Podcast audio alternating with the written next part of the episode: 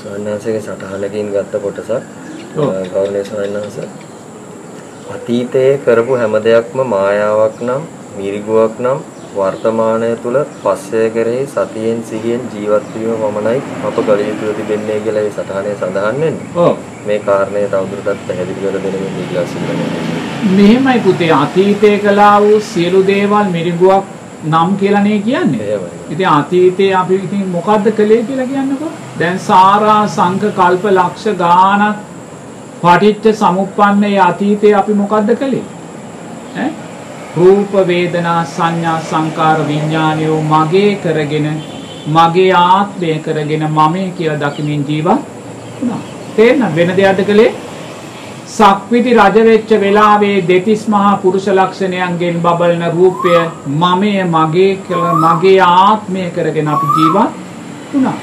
ඒ රූපය නිසා සකස් වුණා වූ වේදනා සංඥා සංකාර විඥානයෝ මමය මගේ කරගෙන ජීවත් වුණා.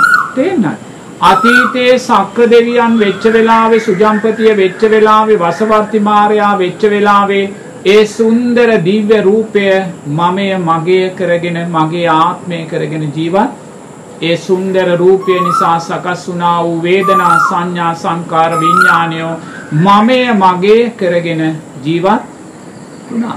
සතර අපායට වැටුණ වෙලාවේ තිරිසන් ලෝකෙට වැටුණ වෙලාවේ ඒ සෑම රූපයක්ම මමය මගේ කරගෙන ජීවත් වුණා. ඒ රූපය ඇසුරෙන් සකස් වුණ වේදනා සංඥා සංකාර විඥානයෝ මමය මගේ කරගෙන ජීවත් වුණා. නමුත් මහත්තයෝ ඒ මමේ කියලා ගත්තා වූ එකම දෙයක්වත් අපිට අයිතිද? ඈ අපිට අයිති වුණාද? අවම වශයෙන් සක්විති රජ වෙච්ච වෙලාවේ අපිට ලැබුණු දෙතිස් මහා පුරුෂ ලක්ෂණයන්ගෙන් බබලන රූපයවත් අපිට අයිති උනේ නැහැ. තේන්න? ඒ රූපය නිසා රැස් කරගත්තා වූ සංස්කාරයන්වත් අපිට අයිති උනේ ඒ සංස්කාරයෝ විපාක දීලා නැවත නැවත සංස්කාරයන් රැස් කරලා අනිත්‍යභාවයට පත් වුණා. තේන්න? ඒකයි මං කිව්වේ අතීතේ යමක්ද අපි මගේ කරගෙන අපේ කරගෙන ජීවත් වුණේ ඒ සෑම දෙයක්ම මිරිඟුවක් මෙතන ඉඳන් දැස් දෙක පියාගෙන දකින්න අතීතේ අපි ඇසුරු කළා වූ අපි වින්දා වූ අපි හඳුනාගත්තා වූ අපි රැස් කළා වූ අපි සංස්කාරයෝ ඒ දැනීම් ඒ හැම දෙයක්ම මිරිඟුවක්ම නේද? අපේ ආච්චි කියන චරිතය සීයා කියන චරිතය අපේ ලොකු අම්මලා මහප්පලා කියන චරිතය තේන අපේ අතීතයේ වැඩ සිටියා වූ ඒ ගෞරවනීය සාමින් වහන්සේලා කියන අර්ථයන් ගෞරවනීය ජාතික වීරයන් කියන අර්ථයන් මාත්‍ර මේ සෑම දෙයක්ම දැන් මෙතන ඉඳන් බලද්දි මිරිඟුවක් නේද? තේන්නාද? මිරිඟුවක්මයි ඒ සෑම දෙයක්ම වෙනස් වෙලා ගියා බුදුරජාණන් වහන්සේ කියන්නේ අනිත්‍ය විද්‍යා වූ ධර්මතාවයක්මයි. සාරිපුත්ත මහෝත්තමයාණන් වහන්සේ කියන්නේ අනිත්‍ය විද්‍යා වූ ධර්මතාවයක්මයි.